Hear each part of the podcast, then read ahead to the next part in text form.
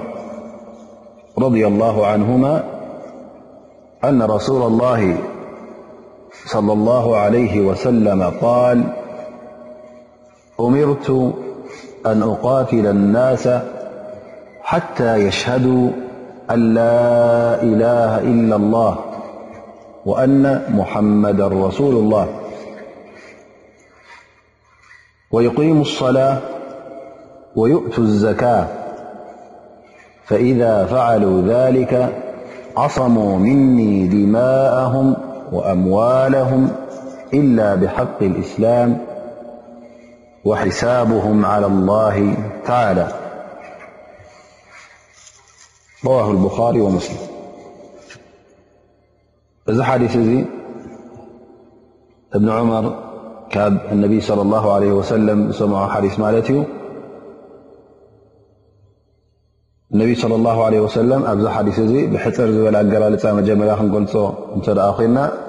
ኡሚርቱ ኣን ቃትለ ናስ ማለት ኣላ ስብሓን ወላ ንነቢና ሙሓመድ ለ ላ ለ ወሰለም ከምዚ ዝኣመሰለ ትእዛዝ ኣመሓላሊፍሎም ንሱ ከዓ ኣንፃርቶም ካሓቲ ማለት ክሳዕ ቶም ሙሽርኪን ቶም ዘይኣመኑ ዝኣምኑ ኣንድሸዱ ኣን ላኢላ ላ ላ ኣና ሙሓመዳ ረሱሉ ላ ዝብሉ ኣንፃሮም ክቃለሱ ክዋግኡ ከም ዘለዎም ከምኡ ውን ክሳዕ ሰላት ዝሰግዱን ዘካት ዘወፍዩን እንተ እዚ ፈፂሞም ደሞምን ገንዘቦምን ማሎምን ሕሉው እዩ ብቻ በቲ እስልምና ዝኣዘዞ ጥራይ እንተዘይኮይኑ ወሒሳብም ዓላ ላ ተላ ካብኡ ዝተረፈ ኣላ ስብሓን ወተላ እዩ ዝሓስቦም ኣላ ስብሓን ወተላ እዩ ዝቆፃፀሮም ኢሎም ነቢይ ለ ላ ለ ወሰለም እንሻ ላ እዚ ሓዲስ እዚ ብስፍሕ ዝበለ ትንተና ክንትንትኖ ኢና ምክንያቱ እዚ ሓዲስ እዚ ዓብ ትርጉም ዝሓዘለ ሓዲ ስለ ዝኾነ ካብቲ ቀንዲታት ናይ እስልምናን ካብቲ መሰረታት እስልምናን ውን ዝሓዘለ ብቐንዱ እቲ ተውሒድ ላ ስብሓ ወ ሓደነት ኣላ ስብሓ ወ ናይ ጉዳይ ሰላትን ጉዳይ ዘካትን ከምኡውን ናይ ጉዳይ ጅሃድ ፊ ሰብልላ ዝሓዘ ስለ ዝኾነ እዚ ኩሉ ነጥብታት እዚ ኣብ እስልምና ኣገዳሲ ጉዳያት ስለ ዝኾነ ነዚ ሓዲስ እዚ እማም ነወዊ ካብተን ኣርበዓ ምሩፃት ሓዲስ ገይሩ ዘቕረበን ኣብዚ መፅሓፍ እዚ ኣብ ኣርበዒን ነወውያ ንረኽቦ ማለት እዩ። ነቢ صለ ላሁ ለ ወሰለም ኡሚርቱ ክብሉ ከለዉ ተኣዚዘ እዮም ዝብሉ ዘለዉ ጠ ኣነቢ ለ ላ ለ ሰለም መን እዩ ዝእዝዞም ወዲ ሰብ ዝኾነ ወዲ ሰብ ፍጡር ኣይኮነን ዝእዝዞም እንታይ ደኣ ትእዛዞም ካብ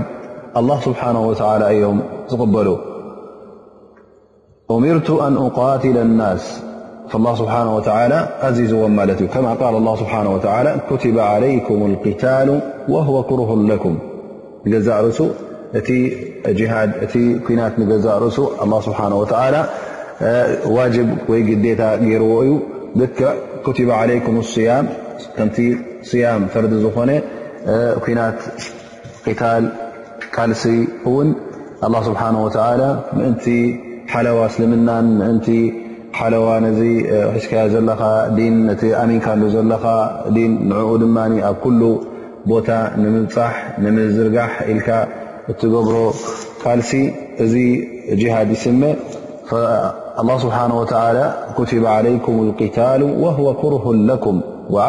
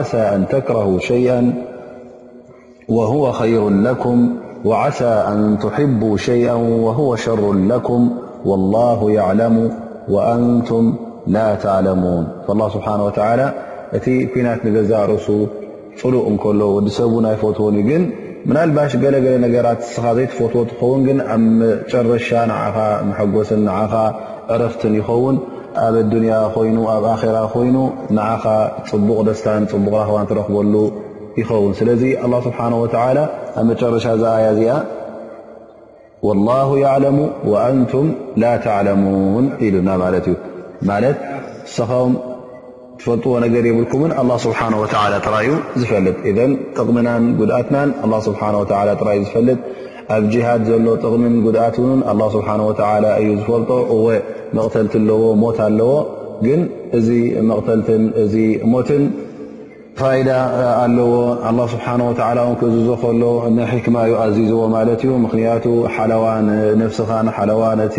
ተኣምነሉ ኣላህን ስለ ዝኾነ ነቲ ዲንካ ክትሕሉ እዚ ኩሉ ጥቕምታት ኣብ ኣዱንያ ኣብ ኣራ ድማ እንተ ወላ ውን እተ ኣብዚ ምክልኻል እዚ ኣብዚ ቃልሲ እዚ እንተ ሞትካ ሸሂድ ስለ ዝኾንካ እቲ ዝፀንሓካ ናይ ጥቕሚ ማለት ዝፀንሓካ ኣብ ኣራ ፋይዳ ቀሊል ኣይኮነን ስለዚ እንታይ ይኸውን ማለት እዩ ኣጅሪ ትረኽበሉን ጀና እትኣተወሉን ማለት እዩ ላ ስብሓን ወተላ ኣብዛ ኣያ እዚኣ ኣብዛ ሓዲስ እዚኣ ከምኡ ውን ኣብታ ዝቀረእናዮ ኣያ እቲ ቂታል ዝበሃል እቲ ኩናት ወይ ከዓ ጅሃድ ዝበሃል ዋጅብ ከም ዝገበሮ ምክንያቱ እዚ እስልምና እዚ እዚ እምነት እዚ ፀላእቲ ኣለዎ እዞም ፀላእቲ ድማ ፍፁም ኣይደቅሱን እዮም እንታይ ደኣ ነዚ እስልምና እዚ መጀመርያ ነቢይ صለ ላሁ ለ ወሰለም ክለኣኹም ከለዉ ፅርኢ ኣይጀመሩን እንታይ ደኣ እቶም ህብረተሰብ ዓረብ ሙሽርኪን ኣብ መካ ዝነበሩ ንነቢይ ለ ላ ለ ሰለም ከምኡውን ነቶም ሰዓብቶም እና ኣዋረዱን እና ጨፍጨፉን ነቢ صለ ላه ለ ሰለም ብትዕግስትን ብሰብርን ዓሰሰለስተ ዓመት ዳዕዋ ኣካይዶም ትፅልእን ተፃባእትነትን እቲ ማህረምትን መቕተልትን ግን መን እዮም ጀሚሮሞ እተ ኢልና እቶም ሙሽርኪን እዮም ጀሚሮሞ ማለት እዩ ስለዚ ከምዚ ዝኣመሰለ ተፃባእትነት ስለ ዘሎ እቲ ኣላ ስብሓን ወተላ ድማ ግዴታ ንዕኦም ንምልጋስን ንዕኦም ንምክልኻልን ከምኡ ውን እቲ እምነት እስልምና ውን ምእንቲ ክልዕልን ኣብ ኩሉ ውን ምእንቲ ንክበፅሕ እቶም ዘይሰምዑ ንክሰምዑ ሓቀኛ ዲን ከም ዘሎ ሓቀኛ ሃይማኖት ከም ዘሎ ንክፈልጡ ድማ እዚ እዩ ኣላ ስብሓን ወተላ ኣዚዝዎ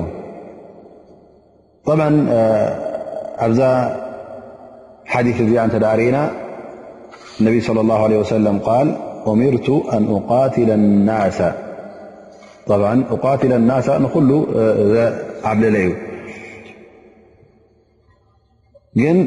ዑለማ ክፍስርዋ ከሎ እዚኣ ቐንዲ ንመን እያ ትጠቅስ ማለት እዩ ነቶም ሙሽርኪን ብሕልፊ ኣብ ሃገር ዓረብ ዝነበሩ ሙሽርኪን ከምኡውን ካልኦት ሙሽርኪን ብጀካ እስልምና ስለዘይ ቅቡል ስለ ዘይኮነ ካብኦም ኣላ ስብሓን ወተዓላ ንዕኦም ክንዋግኦም ከም ዘለና ኣዚዙና ማለት እዩ ግን እዚ ክበሃል እንከሎ ውን ክንርዳእ ኣለና ማለት እዩ ንገዛእ ርእሶም ቶ ሙሽርኪን እውን ተጓይኻ መጀመርያ ኮንካ ትዋግኦም እንታይ ደኣ መጀመርያ ዳዕዋ ክትገብረሎም ኣለካ እቲ ዲን ከተፍልጦም ኣለካ እንተ ደኣ ሕራ ኢሎም ምቕባል ጀሚሮም ዳዕዋ ክትገብር እተ ገዲፎምኻ ብሰላም ክተብፅሖ እተ ክኢልካ ፅቡቕ እተ ግን ነዚ ዳዕዋ ናትካ ክዓግቱ ብሓይሊ እንተ ደው ክብሉ ጀሚሮም ንስኻ እውን ከምቲ ንሶም ብሓይሊ ዝዓግቱኻ ዘለዉ ብሓይሊ ድማ ትጥቀም ማለት እዩ ጠብዓ ዑለማ እብሉ ካብዛ ሓዲ እዚኣ እውን እንተ ርኢና በቲ ኣብ ቁርን ዘሎን ኣቲ ሱና ነቢን እንተ ርኢና ኣህለልክታብ ማለት ክርስትያን ኮይኖም ወይ ውን ኣይሁዳውያን ኮይኖም ወይ ከዓ ንዕኦም ዝመስሉ ኣህልልክታብ ዝመስሉ ከም በዓል መጁስ ፊህም ሱነት ኣህልክታብ ዝበለና ነቢ ለ ላ ለ ወሰለም ከምቶም ሙሽርኪን ኣይኮኑን እንታይ ደኣ እሶም ምርጫ ኣለዎም ማለት እዩ ቀዳማይ ነገር ንዕኦም ዳዕዋ ክገብረሎም ማለት እዩ ዳዕዋ ጌርካሎም እንተ እስልምና ኣትዮም ፅቡቕ ተዘየሎ ድማ ካብኡ ንንዮ ንሕና ሳይ ንደልዮ ኢና ክንዋግኣኩም ኢና እንተ ኢሎም ክትዋግኦም ውን ይፍቀድ ማለት እዩ እተ እውን ብሰላም ናስ ብሳኹም ብሰላም ንነብር ወይ ከዓ ሰላም ክንፈጥር እንተ ኢልና ኢሎም ኮይኖም ኣብ መንጎኻን ኣብ መንጎኦምን ስምምዕ ተገይሩ እንተ ንስኻ እቲ ሃገር እስልምና ኣብ ትሕቲኡ ሓቂፍዎም ክነብር እንተ ኮይኑ ጅዝያ ዝበሃል ኣሎ ዓመታዊ ክፍሊት ኩሉ ክኸፍሉ ኣለዎም ማለት እዩ ስለዚ ኣብቲ ሃይማኖቶም እናቐፀሉ በቲ ሃይማኖቶም ክኸዱ ይኽእሉ ማለት እዩ ግን እታ ሃገር መንግስቲ እስልምና ስለዝኾነት ብእስልምና ትምራሕ ስለዝኾነት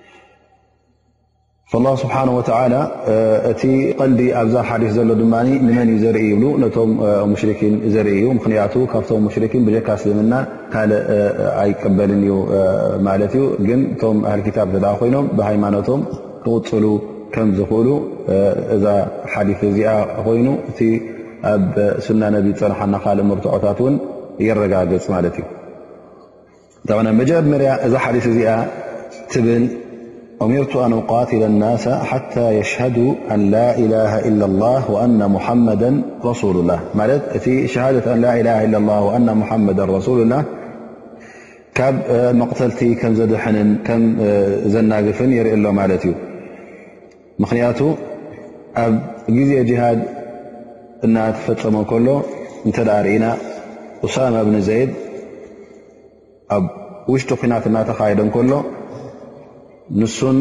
ሓደ ካብቶም ካሃድትን ካብቶም ሙሽሪክንን ብሴፍ እና ተሃራረሙ ከለዉ ኣብ መጨረሻ ኡሳማ ብኒ ዜድ ምስ ተዓወተሉ እሞ ከዓ በታ ሴፍ ገይሩ ክሃርሞ ምስ ቀረበ እንታይ ይገብር ማለት እዩ እዚ ሰብ እዚ ላኢላሃ ኢላላ ኢሉ ኣብ ከዓ ኣሽሃዱ ኣን ላኢላሃ ኢላላ ይብል ማለት እዩ ኡሳማ ብኒ ዜድ ኣብኡ ከሎ እታ ሓፍ ኣቢልዋ ነበረ ሴፍ ኣውሪዱ ነዚ ይቐትሎ ማለት እዩ ኣብ መጨረሻ ናብ ነቢ صለ ላه ለ ወሰለም መፅኡ ከምዝን ከምዝን ተረኺቡ ይብሎ ማለት እዩ ፈነቢ صለ ላሁ ለ ወሰለም እዚ ምስ ሰምዑ ብጣዕሚ ነዚ ነገር እዚ ደስ ኣይበሎምውን ማለት እዩ ከመይ ጌርካ እዚ ሰብ እዚ ኣሽዱ ኣን ላኢላ ለ ላ እናበለ ከሎ ትቐትሎ እሞ እዚ ሰብ እዚ ኣስላማይ እንከሎ ላስ ኢዱ ሂቡ ማለት እዩ ምሳኻ ኮይኑ ማለት እዩ ስለዚ ደሙን ማሉን ንክትሃርሞን ንክትቀትሎን ክትወስደሉን ብሕጊ ኩልኩል እዩ ስለዚ ስለምንታይ እዚኣ ጌርካ ኢሎም እነቢ ስለ ላ ለ ሰለም ብጣዕሚ ገሲፀሞ ማለት እዩ ንመን ንኡሳማ ብኒ ዘይድ ኡሳማ እንታይ ኢሉ መሊሱ ያ ረሱላ ላ እዚ ሰብ እዚ ናይ ብሓቂ ኣሚኑ ይኮነን እንታይ ደኣ ካብ መቕተልቲ ነፍሱ ንኸድሐን ኢሉ እዩ እዛ ቃል እዚኣ ዝበላ ምክንያቱ እ ኣሻዱ ኣን ላኢላ ላ ኢሉ ከምዘይቅተል ስለ ዝፈለጠ ንነፍሱ ንኸድሐን ዳኣ እምበር ናይ ብሓቂ ኣሚኑ ኣይኮነን ኢሉ መሊሱ ማለት እዩ ነቢ ለ ላ ሰለም ግን ኣሸቐቕቲ ዓንቀልቢ እንታይ ኣፍሊጡካ ኣብ ልቡ ዘሎ ከመይ ጌርካ ፈሊጥካዮ እዚ ነገር እዚ ዝፍለጥ ኣይኮነን ብምንታይ ቃልካ ዝስማዕ ዳኣ እምበር ከም ኣብ ልቡ ወዲ ሰብ ናይ ብሓቂ እምነት ኣለዎን የብሉን ከመይ ጌርካ ንስኻ እዚ እዩ ሓሲቡ ከምዚ እዩ ሓሲቡ ትብል ኢሎም እነቢ ለ ላ ለ ወሰለም ቃል ኣይተቐበሉን በል እንደገና ደጋጊሞም ከይፈ ተስናዑ ብላኢላሃ ለ ላ ዮም ቅያማ ብዮም ቅያማ ፅባሕ እንተ እዚ ሰብ እዚ በፂኡ ኣነ ላኢላ ላ እናበልኩ ከለኹ እዚ ሰብ እዚ ቀትሉኒ ኢደ ሂበን ከለኹ ኣሰሴመ ከለኹ ናብ እስልምና ኣት ከለኹ ቀትሉኒ እንተበለ ኣብ ቅድሚ ኣላ ስብሓን ወተዓላ ፅባሕ ንግሆ እንታይ ትገብር ኢሎም ደጋጊሞም ምስ ጠቐሱሉ ክሳዕ ተጣዒሰ ኣነስ እዛ መዓልቲ እዚኣ ኣብ እስልምና ከም ብሓድሽ ኣትየ ነይረ እንተዝኸውን ምሓሸኒ ነይሩ ይብል ማለት እዩ ኢዘን እንታይ ዘርእየና ዘሎ ኣብዚ ቃል እዚ እኑ ዝኾነ ይኹን እተ እቲ ሙሽርክ ዝነበረ እንተ ሸሃዳ ተቐባቢሉ ፍፁም ክትቀርቦ ከም ዘይብልካ እቲ ልቡ ዘሎ ረቢ ፈልጥ ግን ብመልሓሱ እተ መጀመርያ እታ ሸሃዳ ገይሩ ላስ ወዲ ሰብ እንታይ እዩ ዝርኢ ኣብ ቅድሚኡ ዘሎ እቲ ብሉፅ እቲ ግዳማዊ ተግባር እዩ ዘርኢ ማለት እዩ ፈኢዘን ተቐዳመይቲ ነጥቢ እዚኣ ትኸውን ማለት እዩ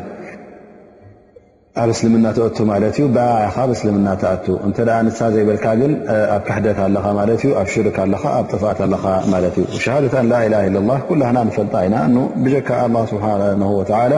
ካልእ ኣምልኾት ክወሃብ ዝፍቀድ ናይ ብሓቂ ኣምልኾት ዝግብኦ ብጀካ ኣላ ስብሓን ወተላ ካልእ የለን ማለት እዩ ስለዚ ናይ ግድን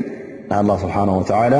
ሓደነቱ ትሕልወሉ እሱ ጎይታ ኮይኑ ተኣምነሉ ከለኻ እነቢ ለ ላ ለ ሰለም እውን ልኡኽ ኣላ ስብሓን ወላ ከም ምኳኖም ትምስክር ማለት እዩ ምስከራ ክበሃል ከሎ መስኪርካ ክትበሃል ከለኻ ልክ ነዚ ሓደ ነገር ብዓይንኻ ከም ዝረኣኻዮ ጌርካ ተኣምነሉ ኣለኻ ማለት እዩ ኣሽሃዱ ይብል ማለት እዩ ሓደ ሰብ ምስክር ምስክር መዓስ እዩ ዝኸውን ንወዲሰብ ምስክር ከይረኣየን ከይሰምዐን ኣይኮኑን እዩ ስለዚ ትሑዝ ነገር ጭቡጥ ነገር ኣለካ ማለት እዩ ኣሽሃዱ ክትብል ከለኻ እቲ እምነትካ ሓያል እምነት ልክዕ ከም ምስክር ከብቅዓካ ዝኽእል ከም ብዓይንኻ ዝረኣኻን ብእዝንኻ ዝሰማዕካን ጌርካ ተቐቢልካዮ ማለት እዩ ካልይቲ ነጥቢ ኣብዛ ሓዲስ እዚኣ ተጠቐሰ ብ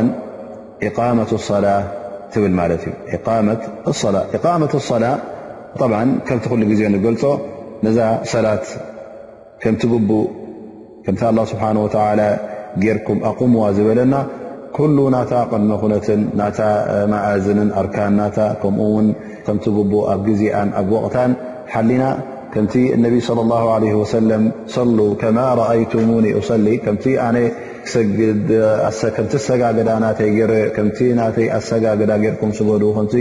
ዝረኣኹምኒ ከመይ ገረ ከም ዝሰግድ ዝረኣኹኒ ከምኡ ጌርኩም ስገዱ ስለ ዝበሉና ልካ ነቲ ኩሉ ምስቲ ሰላት ዝተኣሳሰረ ከምቲ ዝጥለብ ጌርና ክሰግዳ ከለና እዚ ኢቃመት ሰላ ዝበሃል ማለት እዩ ስለዚ ሰላት ኣቑመያ ክትብል ከለኻ ጎባጥን ጠዋይን ክትከውን የብላን እንታይ ኣቋቑማ ናታ ትኽ ዝበለ ክኸውን ኣለዎ ማለት እዩ ነቕ ዘይብል ኣቋቑማ ክኸውን ኣለዎ ማለት እዩ እንተ ገለ ካብቲ ፈርዲ ካብቲ ሱና ካብቲ ገለ እተ ተጓዳድል ኮይንካ እዛ ሰላት እዚኣ እንታይ ትኸውን ኣላ ማለት እዩ ከምቲ ጉቡእ ኣይቀንዐትን ኣላ ማለት እዩ ስለዚ ሽሩጥናታን እቲ ኣርካናታ ብቐንዲ ተን ዝዓበየ ሰ ሸርጥን ተን ኣርካን ዝበሃላ ንዕአን ክተማልእን ከለኻ እዚ ኢቃመት ሰላ ይበሃል ማለት እዩ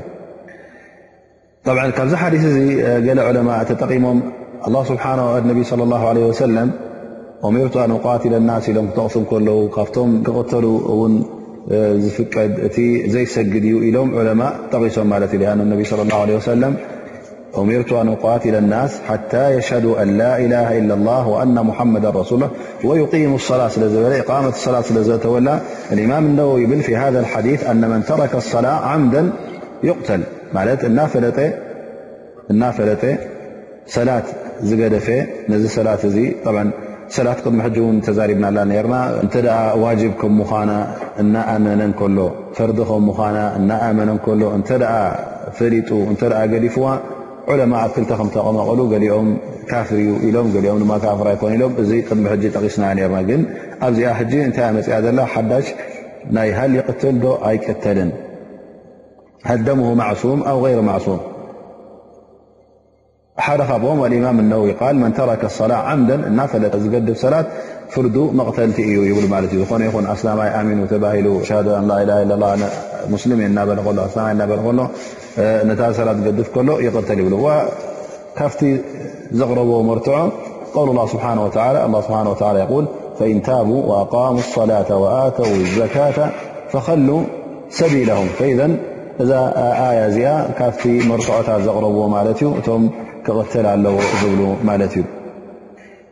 النبي صلى الله عليه وسلمنال حديثب إنه يستعمل عليكم أمراء فتعرفون وتنكرون فمن كره فقد برئ ومن أنكر فقد سلم ولكن من رضي وتابع قالوا يا رسول الله ألا نقاتلهم قال لا ما صلوا ፈኢዘን ኣብዛ መጨረሻ ቃለ ላ ማ ሰሉ እንተ ሰግዱ ኮይኖም ኢዘ ነቶም ወላ ውን ነቶም መሪሕነት ዝሕዙ ነቶም ውላት ወይ ከዓ መራሕቲ ዝበሃሉ እንተ እሰግዱ ኮይኖም ኣይ ትቃትልዎም ኣይ ትዋግእዎም ኢሎም እነቢ ለ ላ ለ ወሰለ ኢዘ እቲ ኩናት ንክትፈተከፍት ወይ ንክትኸስት ወይ ከዓ መቕተልቲ መዓስ እዩ ዝኸውን እንተ እታ ሰላት ተገዲፋ ኢሎም ስለ ዝጠቐሱ እነቢ ለ ላ ለ ወሰለም በዚ لهم علماء كمرتو أغرب مالت ستارك الصلاة عمدا نافلزدف كغتل زبل ثم من حديث أبي سعيد الخدري تغ مالت تيبل بعث علي رضي الله عنه وهو باليمن إلى النبي - صلى الله عليه وسلم بذهبية فقسمه بين أربعة فقال رجل يا رسول الله اتقي الله فقال ويلك أولست أحق من أهل الأرض أن يتقي الله ثم ولى الرجل فقال خالد بن الوليد يا رسول الله ألا أبغب عنقه فقال لا لعله يكون ይሰሊ ማለት እነቢ ለ ላ ሰለ ሓደ ግዜ ሓደ መፅኡ ማለት እዩ ነቢ ስ ሰለ ካብ ሰይድና ዓሊ ካብ የመን ዘምፅ ወርቅን ገንዘብን ነይሩ ማለት እዩ እዚ ወርቂ እዚ እነቢ ስ ሰለ መቒሎሞ ኣብ ኣርባዕተ ሰባት ሰብ ሓደ ሰብኣይ ኣብቲ ቦታ ዝነበረ ያ ረሱላ ላ ይተቂላ ረቢ ፍራህ ኢሉ ያ ረሱላ ላ ረቢ ፍራህ ኢሉ ይዛረብ ማለት እዩ ነቢ ስ ሰለም እዚ ዘረባ እዚ ኣቆጥዕዎም ማለት እዩ ከመይ ጌርካ ዘረባ ኣነ እቲ ብዝያዳ ካብ ኩለኹም ፈራሕ ረቢ ዝኾንኩም ፈራሕ ረቢ ክኸውን ዘለንን ኣነ ን ከመይ ጌርካ ዘረባ እዚ ትብል ኢሎም መሊሶምሉ ማለት እዩ ሽዑ እዚ ሰብኣይ እዚ ይኸይድ ማለት እዩ ምስ ከደ ካድ ወሪድ መፅኡ ያ ረሱላ ላ እዚ ሰብ እዚ ከይደዶ ክቀትሎ ይብሎ ማለት እዩ ነቢ ለ ላ ሰለም ላዓለሁ ኣን የኩን ይሰሊ ምናልባሽ ካብቶም ዝሰግዱ ከይከውን እሞኒ ንሕና እቲ ዝበሎ ዘረባ ዓብ ገበን እዩ ነይሩ ግን እዚ ሰብ እዚ እንተ ሸሃደት ኣን ላኢላ ለላ ዝበለ ከም ኣስላማይ መጠን ከምኡ ዝሰግድ እንተ ኮይኑስ ደሙ ሓላል ኣይኮነን ንክቐተል ኢሎም ይመልሱ ማለት እዩ ፈኢዘን ላዓለ ኣን የኩን ይሰሊ ኢሎም እቶም ዑለማ ደሊል ዓላ ኣኑ ሰላት ደምካ ሓላል ኣይትገብሮን እያ እንታይ ደኣ ደምካ ትሕልዎ ማለት እዩ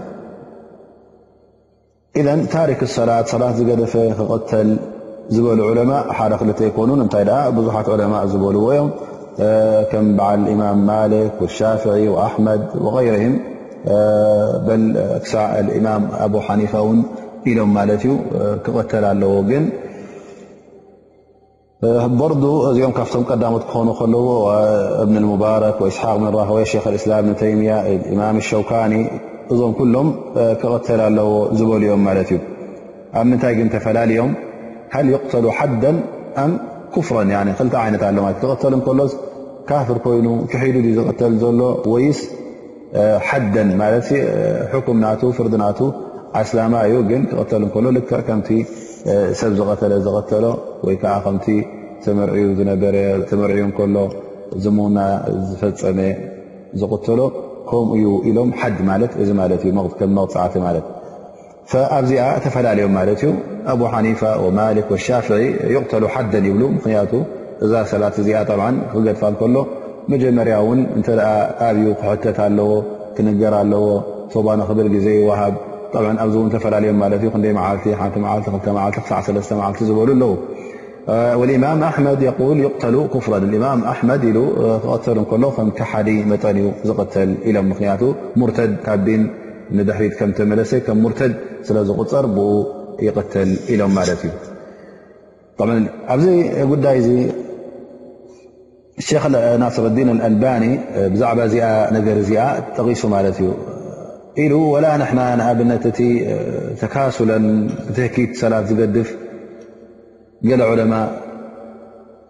ዩሕከም ብእስላምሂ ኣስላማ ዩ ክብሉ ከለዉ ምኽንያቱ እቲ ኣብ ልቡ ዘሎ ንሕና ኣይንፈልጦን ኢና ምኽንያቱ ናይ ብሓቂ እሱ ገዲፍዎ ዘሎ እቲ እምነቱ ፅኑዕ ኣሎን ብኣላ በቲ ሰላት ውን ዋጅብ ከም ምዃኑ ይኣምንን ኣይኣምንን እዚ ኣትብ ልቡ ዘሎ ረቢ እዩ ዝፈልጦ ላኪን ንሕና እቲ ንሪኦ ዘለና ብትህኪት ይገድፎ እናበልና ከለና እቶም ዕለማ ገሊኦም ኣስላማ እዩ ክብሉ ከለዉ እንተደኣ ግን ኣብ ናይ ፍርዲ በፂሑ ኣብ መድረኽ ናይ መቕተልቲ እንተደኣ በፂሑ እስቲታባ እንተደኣ ተገይርዎ ማለት ቶባ በል ንዓ እዚ ትገብሮ ዘለኻ ጌጋ እዩ ኢሎም መኺሮሞ ግዜ ሂቦሞ እሞ መጨረሻ እዚ ሰብ እዚ ወይ ንዓ ቶባ ኢልካ ናብ ሰላት ተመለስ ወይ እውን ክትቅተል ኢኻ ኢሎሞ ኣነስ ወላ ተቐተልኩምኒ ኣነ ኣይሰግድን እየ እንተደኣ ኢሉ ኮይኑ እዚ ሰብ እዚ ይብል ክቕተል እንከሎ ከም ካፍር እዩ ዝቕተል ምኽንያቱ ምርጫ ተዋሂቡ እሞ ህወቱ ንክትሓልፍ ትንፋሱ ንክሓልፍ ምርጫ ተዋሂቡ እቲ መወድሕ ሸካ ወላ ክሰግዱ ኢሎሞ እሞ እታ ሰላት መዓኑ ኣነ ኣስላማ እየ ኣነ ብዚ ሰላት እዚ ኣምን እየ እናበለ ከሎ እዚ ሰብ እዚ ኣብ መጨረሻ እንተ ኣብዚ ተባፂሑ ምስኡ እሞ ከዓ እንተ ኣነስ ኣብቲ ዘለኹዎ ሸኔ ኣይሰግድን እየ ኢሉ ወላ ቅተሉን እንተ ኢሉ እዚ ይብል ከም ክሓደ ክቅተል ኣለዎ ዳኣ እምበር ከም ኣስላማይ ኮይኑ ማለት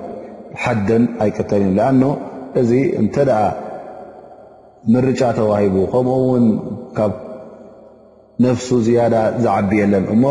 ሕልፈት ነፍሲ እናመፅት ከላ ትንፋሶ ንክትሓልፍ እናተባህለ ከሎ ካብኣ ዝዓቢ የለን ንሳያታ ዝኸበረት ንዕኡ እሞ ንዓኣ ነዛ ትንፋሶ እዚኣ ንክሕልፋ እንተ ረድዩ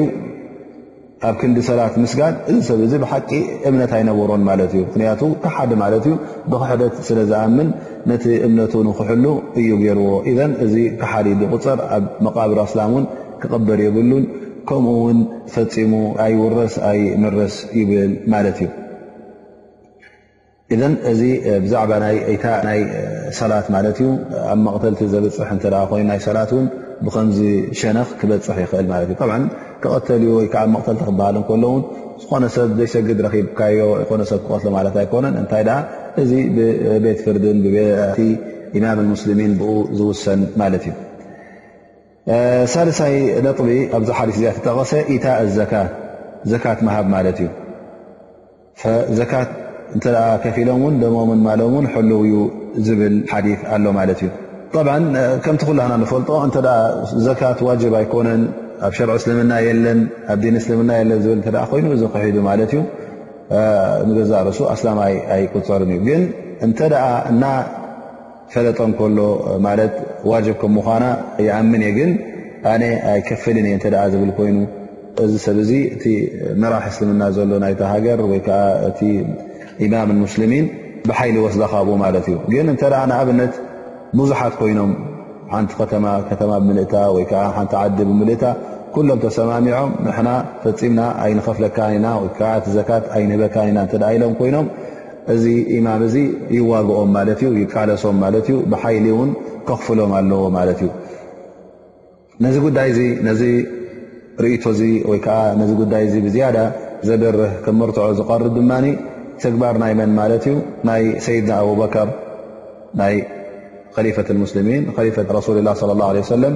ኣቡበክር ስዲቅ ማለት እዩ ን ኣብ ሁረይራ ቃል ለማ ትውፍያ ረሱሉ ላ ለ ላ ለ ወሰለም وكان أبو بكر وكفر من كفر من العرب فقال عمر كيف تقاتل الناس وقد قال رسول الله -صلى الله عليه وسلم أمرت أن أقاتل الناس حتى يقولوا لا إله إلا الله فمن قالها فقد عصم مني ماله ونفسه إلا بحقه وحسابه على الله فقال والله لأقاتلن من فرق بين الصلاة والزكاة فإن الزكاة حق المال والله لو منعوني عناقا كانوا يؤدونها إلى رسول الله - صلى الله عليه وسلم - لقاتلتهم على منعها فقال عمر فوالله ما هو إلا أن قد شرح الله صدر أبي بكر للقتال فعرفت أنه الحق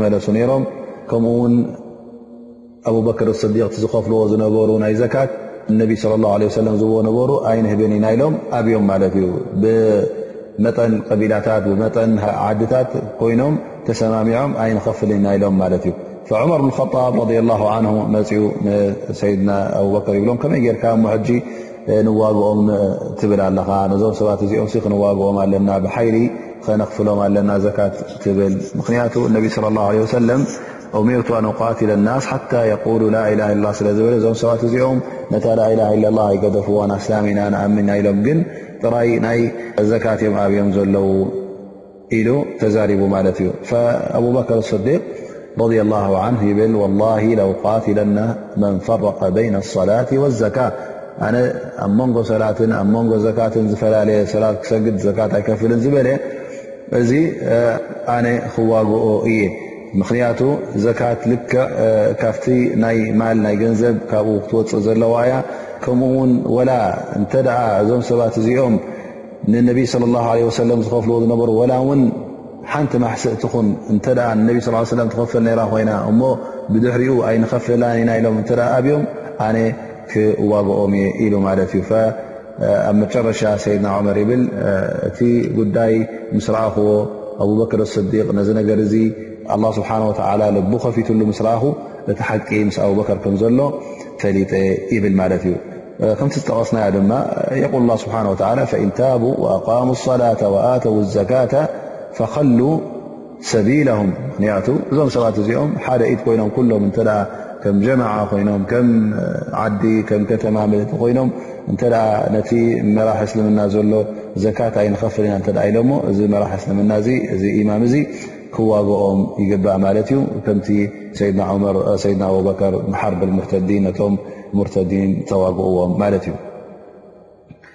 ኢዘን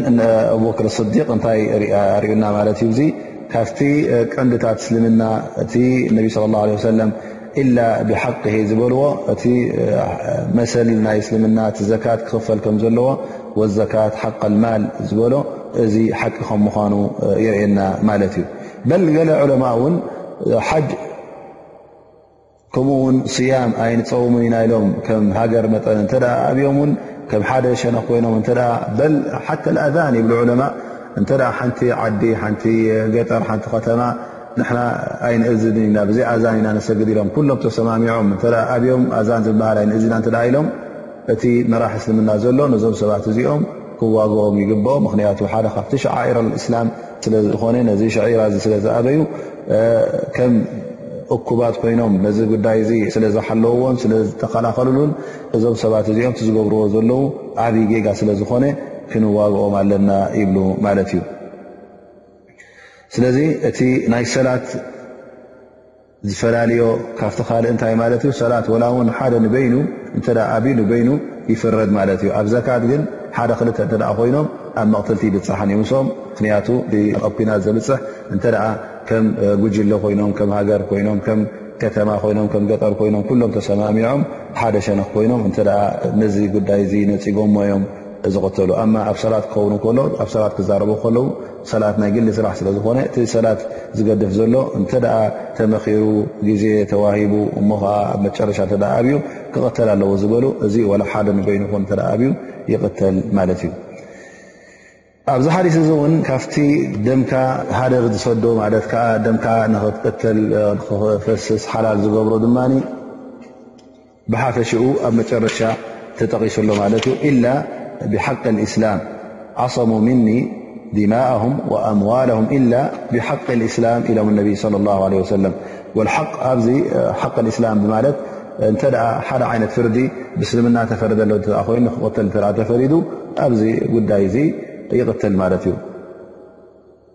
ከም ንኣብነት እተ ሓደ ሰብ እናፈለጠን ተዓሙድ እተ ገይሩ ንሰብ ቀትሉ እዚ ሕጂ ይቀተል ኣለዎ እዛኒ ባዕድ ልእሕሳን ዘማዊ ማለት እዩ እተ እዚ ሰብ እዚ መሪዑ ከሎ እተ ዘምዩ ረጅም ዝበሃል መቕተልቲ ይፍረድ ሪዳ ካብቲ እስልምና እተ ሓደ ሰብ ውን ወፅኡ ንምንታይ ይፍረድ ንመቕተልቲ ውን ይፍረድ ማለት እዩ ከማ ቃል ነቢ ስ ሰለም ላ የሕሉ ደሙ ምርኢን ሙስሊሚን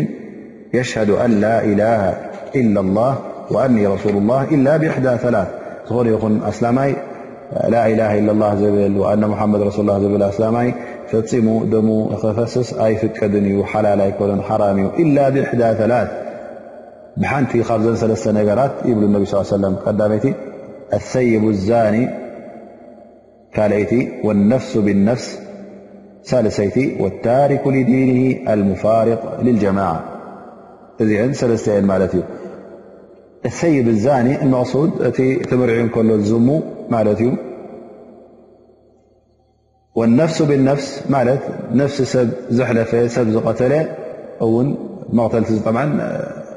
ብጌጋ ኣይኮነን እንታይ ደኣ ፈሊጥካ መቕተልቲ ክትገብር ክትፍፅም ከለኻ ማለት እዩ እዚ እውን ይቕተል ማለት እዩ ወታሪኩ ሊዲን ኣልሙፋሪቅ ልጀማዓ ከምኡ ውን ዲኑ ገዲፉ ኣብ ካልእ ማለት ኣብ ን ስላም ዲን እስላም ገዲፉ ኣብ ካልእ ዲን ዝኸደ ነቶም ህዝቡ ገዲፉ ናብ ካልኦት ተፀንበረ እዚ እንታይ ይኸውን ማለት እዩ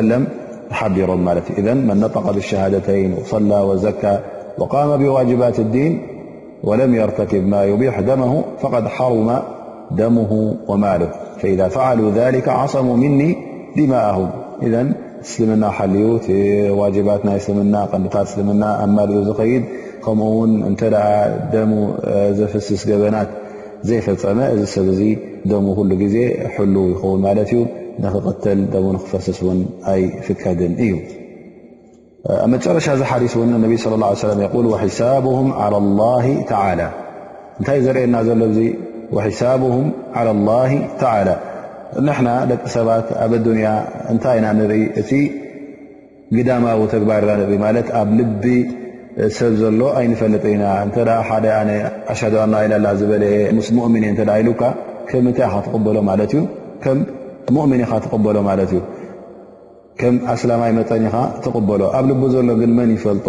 ብጀካ ኣላ ስብሓን ወተላ ዝፈልጦ የለን ገለ ሰባት እውን ምናልባሽ ኣብ እስልምና ክኣት ከሎ ድሌት ናይ እስልምና ኣይኮነን እንታይ ደኣ ገለ ናይ ዱንያ ረብሓ ንክረክብ ኢሉ ኣት ይኸውን ናይ ገንዘብ ኮይኑ ወላ እውን ጓል ስላመይቲ ደስ ኢላቶ ንዓ ንክምርዖ ኢሉ ኣነ ላስ እሞ ኣብ እስልምና ይኣት ኢሉ ኣብ እስልምና ይኣቱ ይኸውን ግን ብሓቂ ኣብቲ ልቡ ላ ብኣላ ስብሓን ወተላ ኣይኣምን ወላ ብነቢ ሙሓመድ ስ ሰለ ኣይኣምን ወላ እውን ቲ እስልምና ኩሉ ናይ ዲን ወይከዓ እስልምና ኩሉ ከም ሓቀኛ ዲን ኮይኑ ኣይትስምዖ ንኸውን ግን ንረብሓን ንግዜዊ ረብሓን ጥቕምን ኣትዎ ይኸውን ስለዚ እዚ ኣብቲ ተዓሙል ናቱ በቲ ግዳማዊ ተግባራቱ ብኡ ኢና ንውስን ትልቡ ዘሎ ግን መን ይፈልጦ ኣላ ስብሓን ወተላ ይፈልጦ ማለት እዩ እዚ ከዓ ከም መን እዩ ዝቁፀር ከም ሙናፍቅ እዩ ዝቁፀር ወላ እውን ሓደ ሰብ እንተ ሙናፍቅ ከም ምኳኑ እስኻ ትፈልጦ ኮንካ ንንሱ ኣነ ብዕላዊ ዘራርብ ሙናፍቅ ኣይኮንኩ ኣነ በዓል ኢማን ኣነ ሞእሚን እተ ዝብል ኮይኑ ሰብ ዙ ከም በዓል ኢማን ከመስላማይ ኢኻ ትቕበሎ ማለት እዩ ስለዚ እቲ ንሕና ንሪኦ እቲ ግዳማዊ ተግባር እዩ ዝሪኦ ማለት እዩ ላኪን ኣላ ስብሓን ወተላ ነየና ይርኢ ነቲ ልቢ ነቲ ናይ ውሽጢ እዩ ዝርኢ ማለት እዩ ካብቲ ፈዋኢድ ረብሓ ወይ ከዓ ጥቕምታት ናይዚ ሓዲስ እዚ ዑለማ ዝጠቐስዎ እንተዳ ርኢና እንታይ ይብሉ እቲ ቅቡል ኢማን ዝኸውን እንተ ድልዱል እምነት እዕትቓድ ጃዝም እንተ ኣብ ልብኻ ኣሎ ኮይኑ እዚ እኹል እዩ ይብሉ ማለት እዩ ምኽንያቱ ገሊኦም እንታይ ይብልኻ ነዚ እምነት እዚስ ኩሉ በብ መርትዑኡ ክትኣምኖ ኣለካ ተዓለሙ ኣዲላ ዋጅብ እዩ ዝበሉ ኣለዉ ግን ቲቐንዲ ከበዚ ሓዲስ እዚ ንርድኦ ተዓሉም ኣዲላ ዋጅብ ኣይኮነን ማለትማለተይሲ ነቲ እምነትካ ንኩሉ እምነትካስ መርትዖታቱ ንኽትመሃርን ንኽትፈልጥን ግዴታ ኣይኮነን። ምኽንያቱ እዚ ካልኣይ ደረጃ እዩ። ግን እንተ ሓቀኛ ቅኑዕ እምነት ኣለካ ኮይኑ ብልብኻ እዚ እኹል እዩ ከም ሙእሚን ክትበፅሕ ትኽእል ማለት እዩ። ከሊካ ኣብዚ ሓዲስ እዚ እንታይ ንርኢ ማለት እዩ እቶም ረበና ረቢ ቁሉብ ዝብሉ ምናልባሽ ኣላ ስብሓን ወተላ ኢማን ናይ ልብኻ ጥራይ እዩ ዝርኢ ዝብሉ እሞ ከዓ ነቲ ካልእ ተግባራት እስልምና ንዕኡ ሸለ ኢሎሞ ክኸዱ ዝደልዩ እዚ ጉዳይ እዚ ጌጋ ከም ዝኾነ ማለት እቲ ተግባራት ኣማል ምን ልኢማን ከምዝኾነ ማለት ተግባራት እስልምናስ ኣብ ትሕቲ ኢማን ይኣቱ ከም ዝኾነ وሃذ ረዱ على ሙርጅ ሙርጅያ ዝበሃሉ ሩ ቀደም ወይ ከዓ ሕጂ እውን ከም ጃንዳ ወይ ከዓ ከም ጉጅለ እንተዘየለዉ እቲ እሶም ዝብልዎ ዝነበሩ ገሌታት ሰባት ብጌጋ ተረድኦ ተረዲኦ እሞ እንተ ሓደሓደ ነገራት እዚ ጌጋ እዩ እዚ ሓራም ዩ ክትብሎም ከለኻ እንታይ ብልካ ማለት እዩ ረቢ ልቢ እዩ ዝርኢ ረቢ ረቢ ቁሉብ ረቢ ናይ ልቢ እዩ ዝርኢ ይብልካ ማለት እዩ እቲ ኢማን ኣብ ልቢ እዩ ዘሎ እወሳሕ ቀንዲ ኢማን ኣብ ልቢ እዩ ዘሎ ኣብዚ ፍልልይ የለን ግን እቲ ተግባራትከ ካብ ምንታይ ዝመንጨወ እዩ? ካብ ኢማንካ ዝመንጨወ ዶ ኣይኮነን? እንተ ናይ ብሓቂ ኢማን ኣለካ ኮይኑስ፣ እንተ ድልዱል ኢማን፣ ፅኑዕ ኢማን ኣለካ ኮይኑ ተግባራትካ ኩሉ ካብዚ እምነትካ እዚ ዝመንጨወ ክኸውን እዩ ዝግብኦ ማለት እዩ። ስለዚ ኢማን ተግባራት ኣየድልዮን እዩ ክበሃል ኣይክእልን እዩ። ምክንያቱ ኣብዚ ሓዲስ እንተ ርኢና እቲ ሸሃደት ኣን ላኢላሃ ኢለላህ ንበይኑ እኹል ከም ዘይኮነ እንታይ ደኣ እቓመት ሰላት ከም ዘድሊ፣ ዘካት ከም ዘድሊ፣ እዚ እውን ተግባራት ከም ዝኾነ ከምኡ ውን ኣብዚ ሓዲት እዚ እንታይ ንጥቀም ይብሉ እቶም ኣህለል ቢዳዕ ቢዳዕ ዝፍፅሙ ሰባት ቢድዓታት ዝገብሩ ሰባት ኣለዉ እዚ ቢድዓ እዚ እንተ ካብቲ ተውሒድ ዘየውፅኦም ካብቲ ሓደነት ኣላ ስብሓን ወተላ ምስኡ ዝገላፀ እተ ዘይኮነ እዚ ቢድዓ እዚ እተ ዝፍፅሙ ኮይኖም ክፍሮም ኣይንክላ ማለት ክሓቲ ኣይንብሎም ኢና ኣህሊ ቢድዓ ተክፊሮም ኣይፍቀድን እዩ እንተ ኣብቲ ተውሒድ ኣለዉ ኮይኖም ማለት እቲ ቢድዓ ንገዛእ ርእሱ ሓደ ዓይነት ኣይኮነን ገለ ቢድዓታት ኣሎ ምስቲ ተውሒድ ላ ስብሓን ወላ ምስ ዝገራጮ እተ ምስ ዝገራጮ ኮይኑ እዚ ወፂኦም ማለት እዩ ግን እተ ምስ ተውሒድ ዘይገራጮ ኮይኑ ከም ጌጋ ከም ገበን ይቐርብ ማለት እዩ ቅቡል ከምዘይኮነ እውን ይርድኣና ማለት እዩ ከም ንኡስ ሓዲ እዚ ሓዲ እዚ እውን ዘርእየና ነቢ ለ ላ ለ ወሰለም ኣብ መካ ከለዉ ገና ኣብ ዓሰለስተ ዓመታት ዝኣክል ኩፉ ኣይድኩም እናበሉ ኢትኩም ሓዝ ሰብ ግበሩ እዮም ዝብሉ ነይሮም እቲ ትእዛዝ ግን እዚ ትእዛዝ ድማ ዳሕራይ ኣብ መዲና ምስ ከዱ ከም ተፈቀዶም መጀመርያ እቲ ወሪድዎም ዘሎ ሽግርን ዓመፅን